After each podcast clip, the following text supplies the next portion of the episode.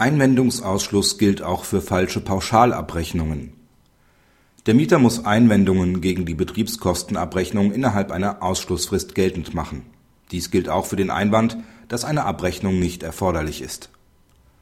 Nach dem Mietvertrag muss der Mieter für einige Betriebskosten pauschale Vorauszahlungen leisten. Dennoch rechnet der Vermieter die Betriebskosten seit Jahren ab, worauf der Mieter, wie auch in der Vergangenheit, über zwölf Monate keine Einwendungen erhebt Nunmehr macht der Vermieter die Abrechnungssalden geltend.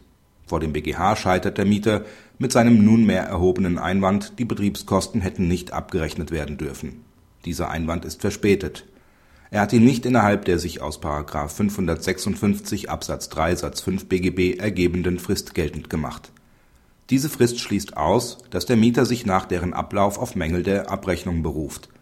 Andernfalls wird man der Befriedigungsfunktion der Bestimmung nicht gerecht der Vermieter kann daher die Abrechnungsergebnisse verlangen. Kritik Richtig ist, dass § 556 Absatz 3 BGB durch beiderseits zu achtende Ausschlussfristen zwischen den Mietvertragsparteien Rechtsfrieden schaffen soll. Insoweit führt die Entscheidung nunmehr auch zu einer Rechtsklarheit. Ob mit der Regelung jedoch auch dem Mieter der Einwand, dass eine Abrechnung nicht notwendig und zulässig sei, abgeschnitten sein soll, erscheint zweifelhaft.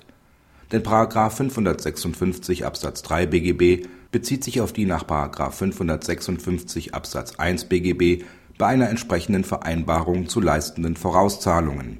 Auf Pauschalen im Sinne des § 556 Absatz 2 Satz 1 BGB kann sich die Regelung mangels Abrechenbarkeit nicht beziehen.